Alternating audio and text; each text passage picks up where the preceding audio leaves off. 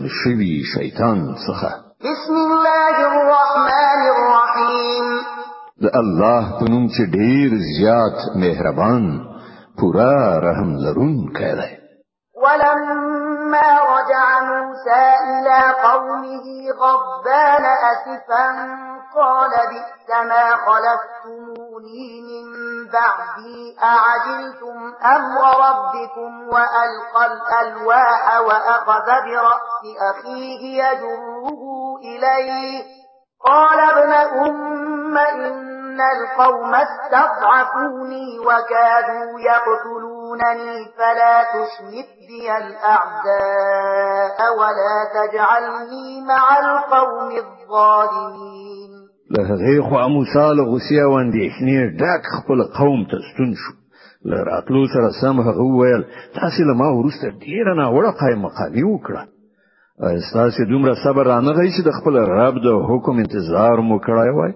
او تختی وګرځولې او د خپل ورور هارون د سر ویښتانی ونی ول خپل خواته راخ کود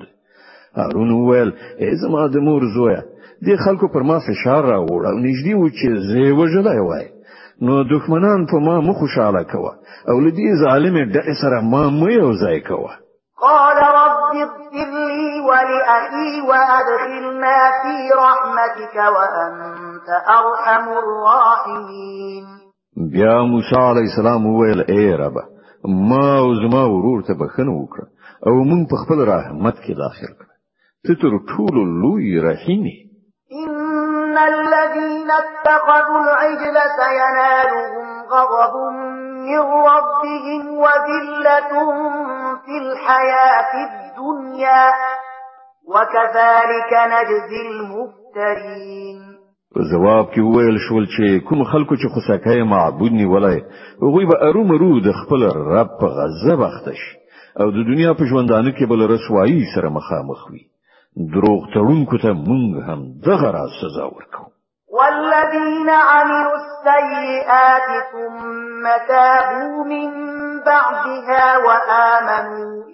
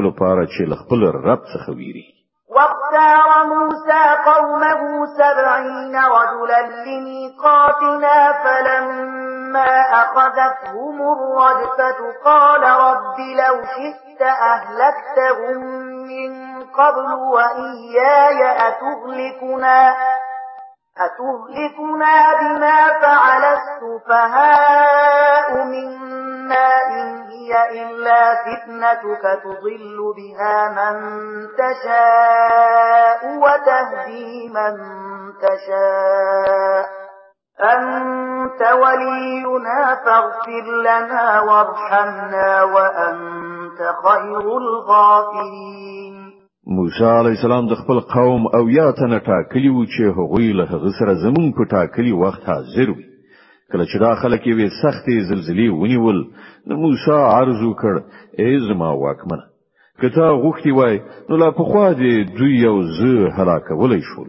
ایا ته په هرې ګناه سره چې له موږ څخه څو ناپوهانو کړي و موږ ټول هلاکوي دا خو ستا یو آزموینه وه چې د هغې په وسیله چې ستا چاته خوښه شي هغوی په ګمراهۍ کې اخته کوي او چاته دې چې خوښه شي سمه لار ورښي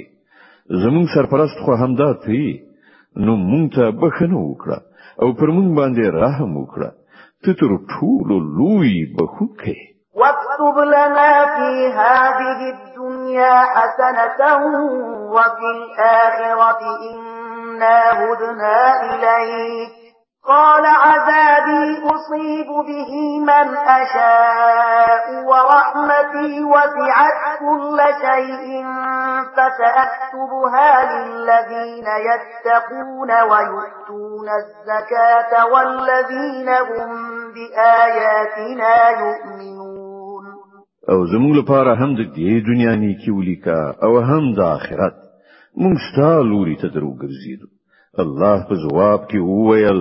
سزا خو چې زه چاته وغواړم ورکوم او زما رحمت پر هر څه باندې خور شوی دی او هغه به زه د هغه چا لپاره ولیکم چې د سرغړونې څخه ډډه وکړي زکات ورکړي او زما په آیاتونو باندې ایمان راوړي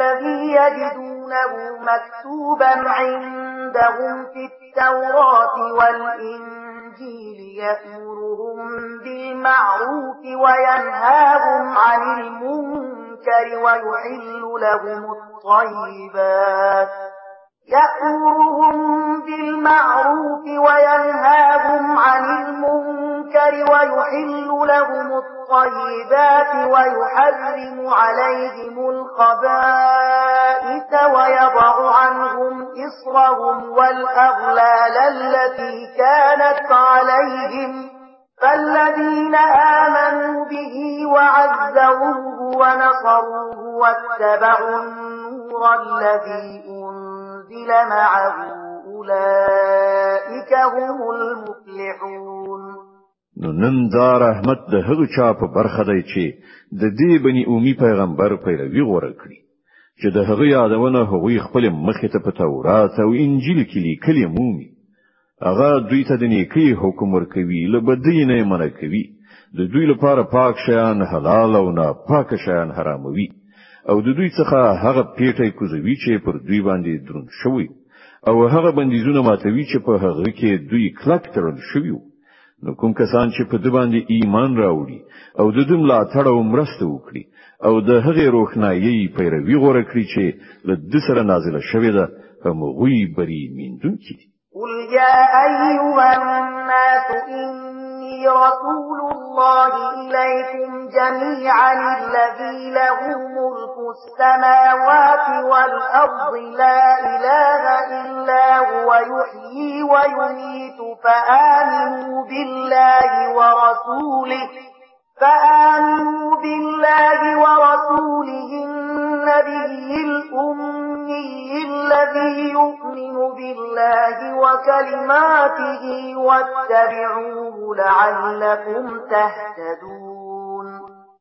اے محمد صلی الله علیه وسلم وای چې اے انسانانو زه ستاسو ټول لوري ته د هغه خدای استاد يم چې د زمکه او اسمانونو د پاچایي مالک دی له هغه پرته بل خدای نشته همغه ژوند بخي او همغه مرګ ورکوي نو په الله او د هغه په هغه بنی اومي استاد باندې ایمان راوړي چې الله او د هغه خوونی مني او د هغه پیروي غوړه کړی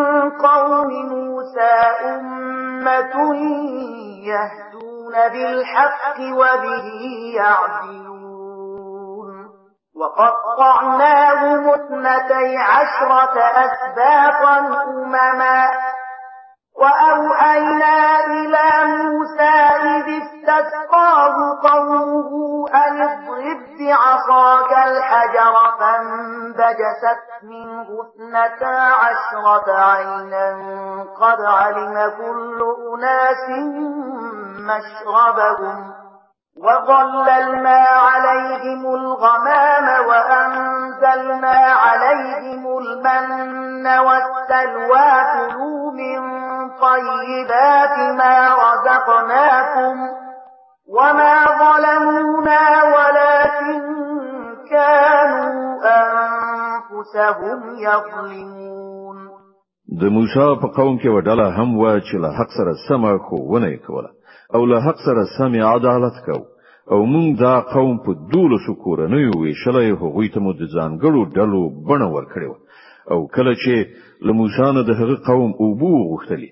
نو موږ هغه ته اشاره وکړه چې په فلاني تیګه باندې خپل همسا ووه نو بیا له هغه تیګې نه په ناڅاپي ډول دولس چینې راوخوټېدلې او هرې ډلې د خپل اوبو اخیستلو ځای وټاک موږ پر هغوی باندې وریز سیوری کړ او پر هغوی باندې مو من او سلوا نازل کړل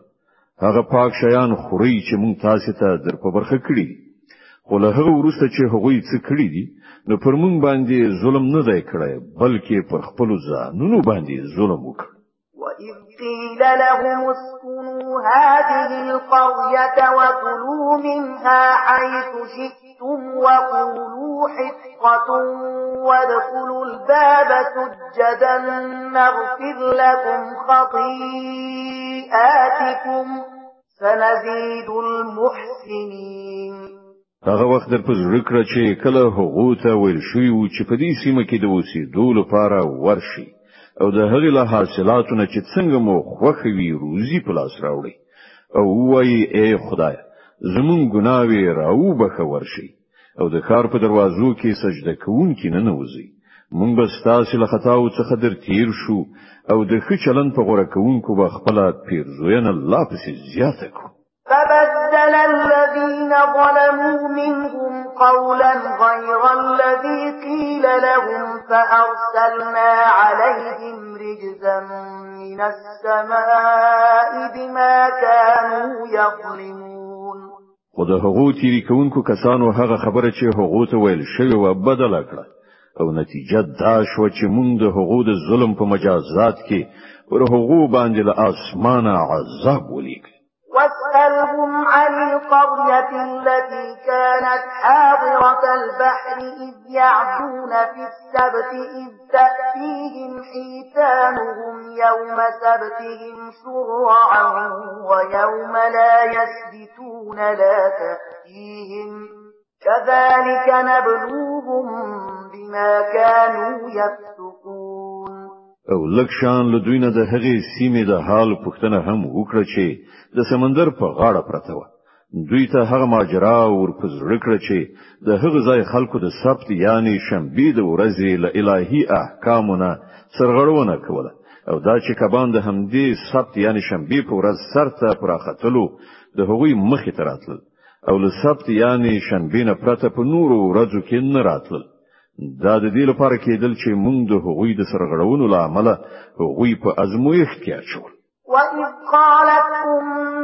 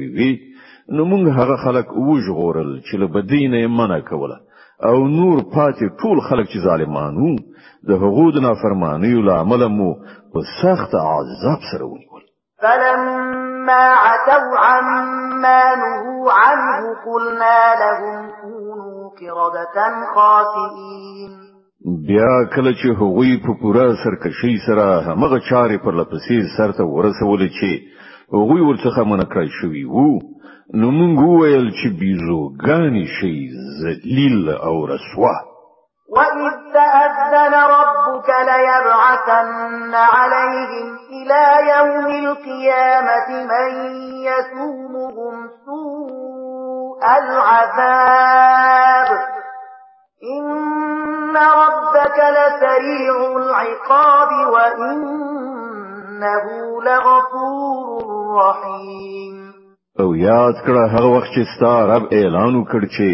هغه به تر قیامت پورې پر لپسې داسې خلک پر بنی اسرائیل مسلط کړي چې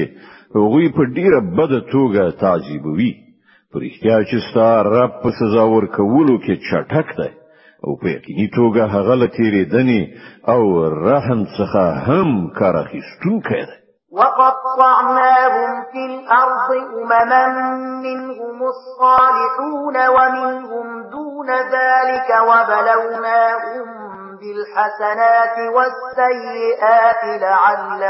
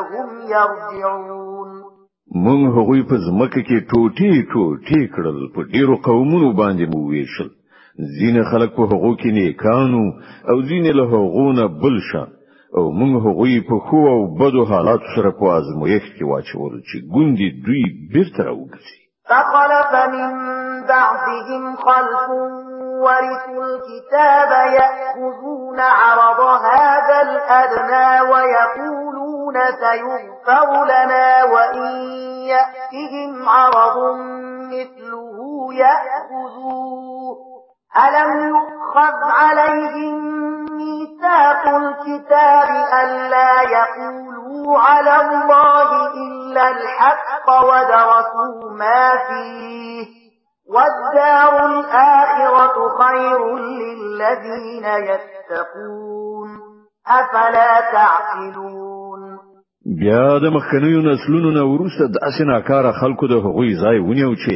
د الهي کتاب وارثان شول د همدې دنیا بیا ارزښت غټي را غونډوي او وایي چې هله د چې مونږ وبخل شو او که بیا همغه دنیوي ګټه په مخه ورشي بیا په منډه راخي آیا له دوی څخه د کتاب وعده نه ده اخیستل شوې چې د الله په نوم دې همغه خبره وکړي چې حق وي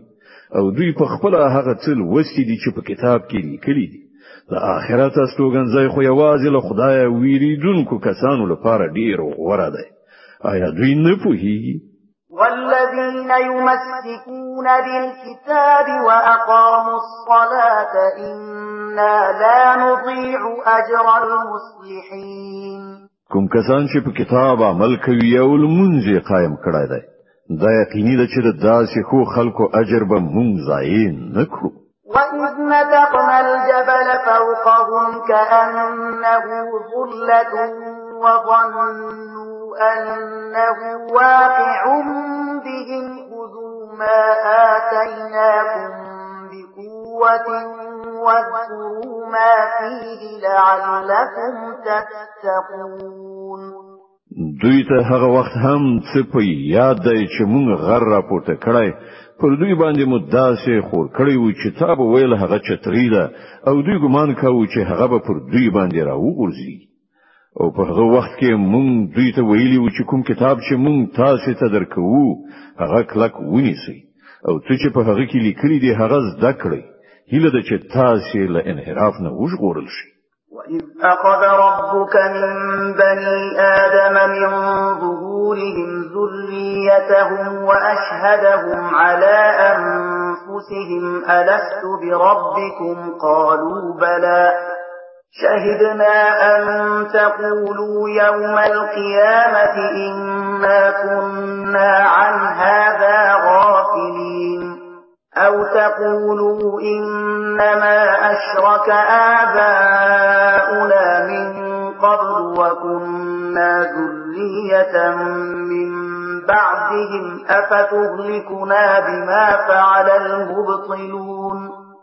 او اے پیغمبره خلکو ته هغه وخت ورپزړه کړه چې ستا رب د بنی آدمانو له شاګانو څخه د هغوی زوزات راوستلی وو او هغوی په خپل په هغوی باندې شاهدان ګرځولي او پښتنه یې ورڅخه کړې و آیا زه ستاسو خدای نه یم هغوی ویل ارو مرو همدا ته زمونږ رب مونږ په دې باندې شاهدی وایو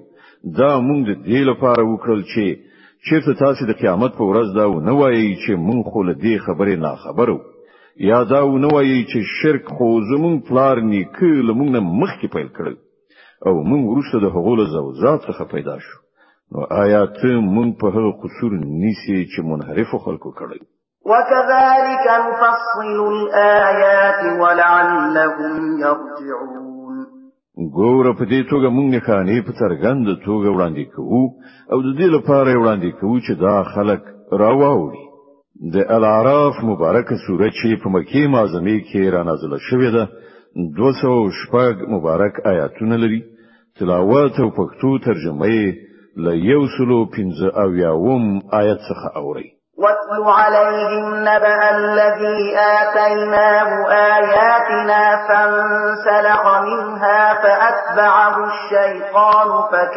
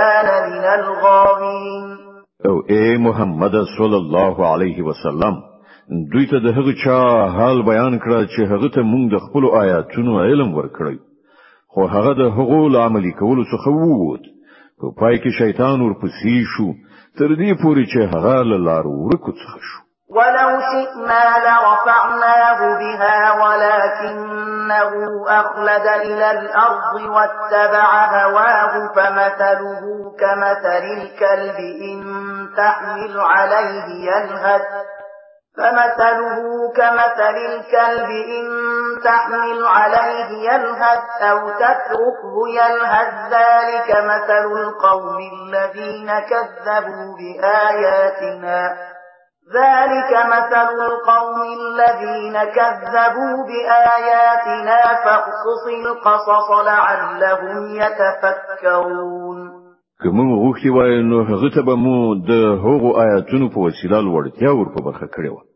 خو هغه د زمکې لوري ته سرکوزی شو او د همغه خپل نفس پیروي وکړه نو د هغه حالت د سپي په شان شو چې که ته پر حمله وکړې هم ژبه راځوړندوي او که پرېګ دې هم ژبه راځوړندوي همدغه د هغو خلکو مثال دی چې زموږ آیاتونه دروغ ګڼي ته دا کیسې دوی ته واوروه ښایي چې دوی څه غور او پاملرنه وکړي ساء مثلا القوم الذين كذبوا بآياتنا وأنفسهم كانوا يظلمون د داسې خلکو ډیر زیات ناوړه مثال دی چې هغوی زموږ آیاتونه دروغ وګڼل او هغوی خپل پر خپل ځان ظلم کوي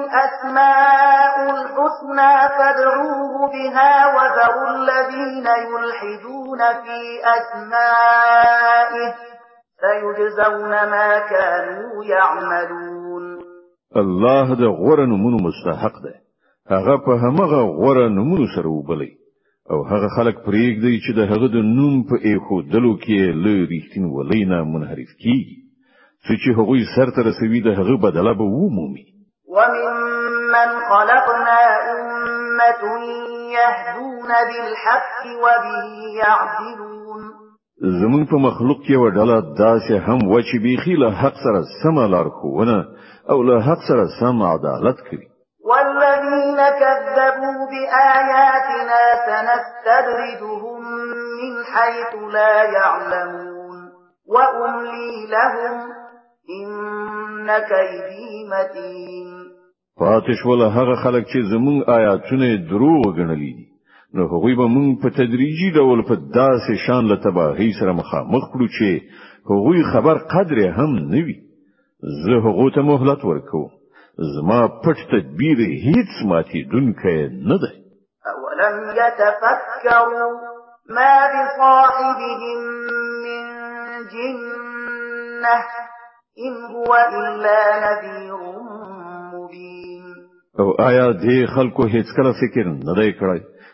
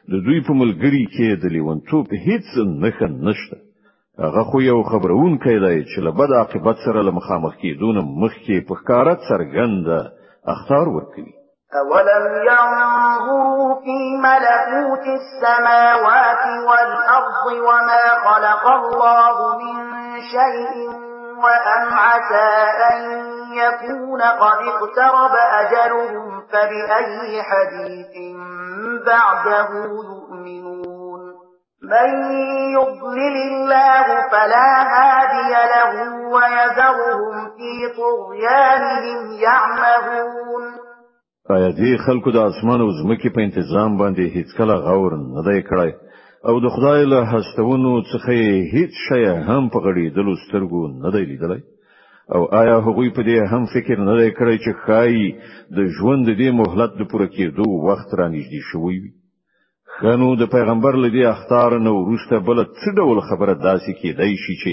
پر هغه باندې دوی ایمان راوړي څوک چې الله له لارښوونې نه به برخې کړ د هغه لپاره بل هیڅ څوک لارښود نشته او الله دوی د دوی په همدی سرکشي کې لاله هند پریدي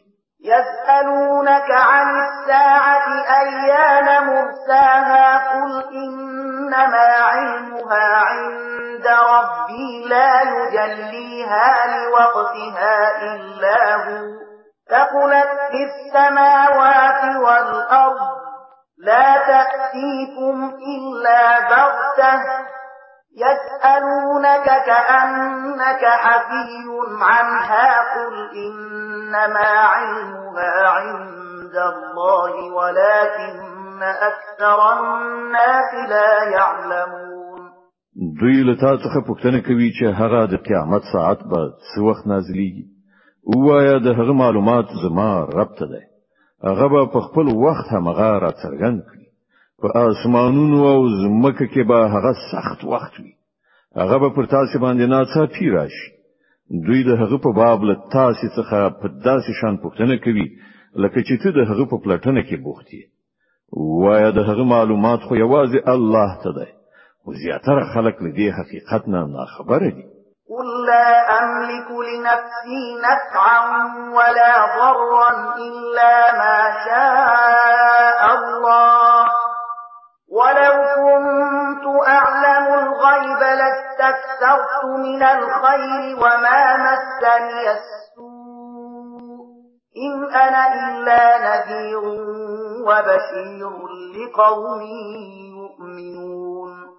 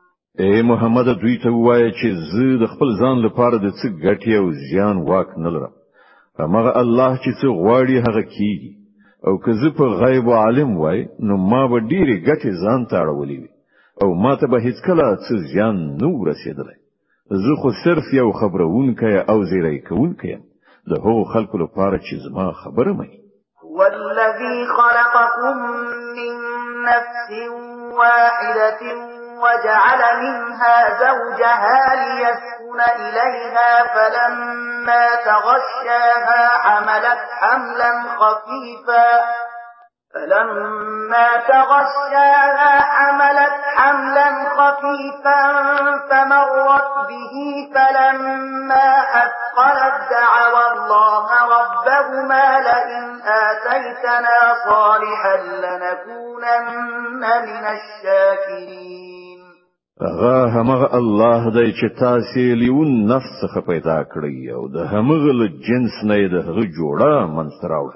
تر څو چې له هغه سره بسیا شي د کله چې نارینه خزه وپوخله نو هغه باردار شو په سپک غوندې بار سره چې د هغه په اخیستلو هغه وګرځیدا را وګرځیدا نو کله چې هغه درون شو نو دواړو یو ځای له الله خپل رب څخه غوښتنه وکړه چې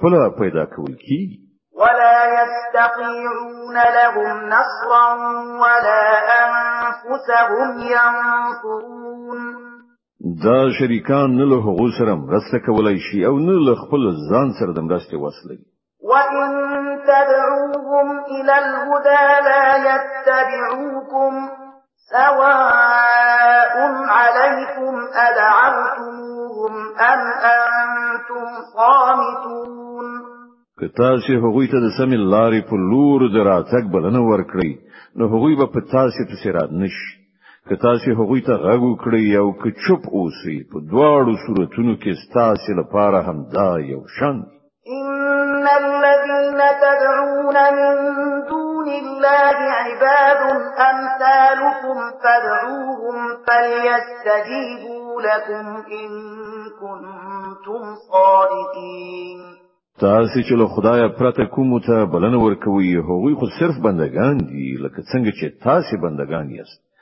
له هغو نه دعاګانې وغواړئ وګورئ دوی د ستاسو د دعاګانو جواب درکړي که د دوی په باب ستاسو انګیرنې صحیح وي ألهم أرجل يمشون بها أم لهم أيدي يبطشون بها أم لهم أعين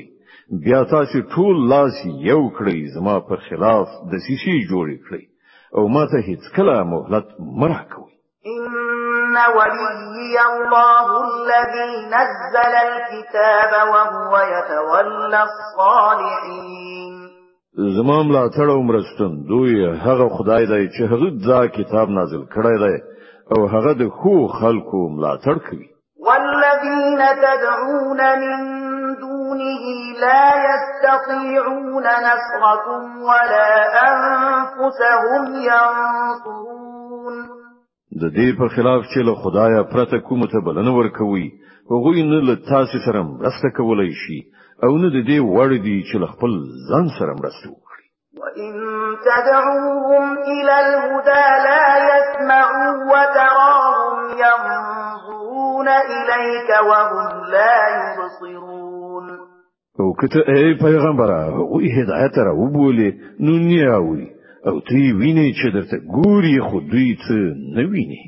خذ العفو وأمر بالعرف وأعرض عن الجاهلين ای پیغمبره د نرمۍ او تیرېدنې لار غوړه کړه د خو چارو کوونکی اوسه او لنا په هانو څخه مخ واړه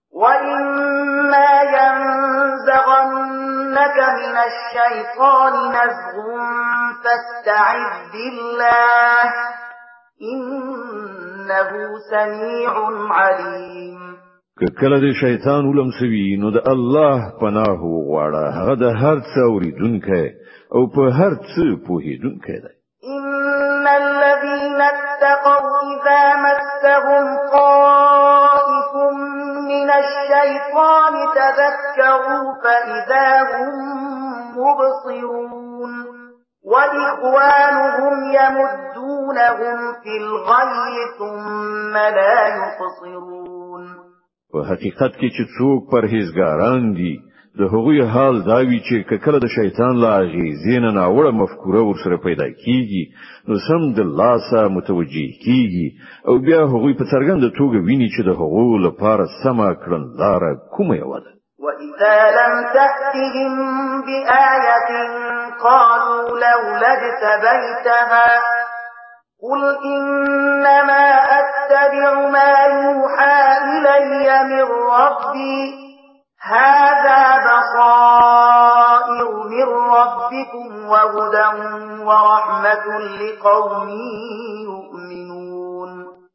پاتې شول د شیطانانو ورونه نو هغوی په خپل کګل لار راکاږي او د هغوی په منحرف کولو کې هیڅ کمی نه کوي ای پیغمبره کله چې ته دې خلکو ته کوم نښانه یعنی معجزه وړاندې نکړې نو دوی وایي چې تا د خپل ځان لپاره کوم نښانه ولې غوړه نکړه دوی ته وایا زه خو صرف د هغې وحی پیروي کوم کوم چې زما رب ما ترا لګلې ده دا ستاسو د رب له لوري د بصیرت روښنايي او لارښوونه او رحمت ده د هغو خلکو لپاره چې وی مني وَإِذَا قُرِئَ الْقُرْآنُ فَاسْتَمِعُوا لَهُ وَأَنصِتُوا لَعَلَّكُمْ تُرْحَمُونَ کله چې ستاسو په وړاندې قرآن لوستل کیږي نو هغه په غور سره واوري او چوپ اوسئ ښایي چې پر تاسو باندې هم رحم وشي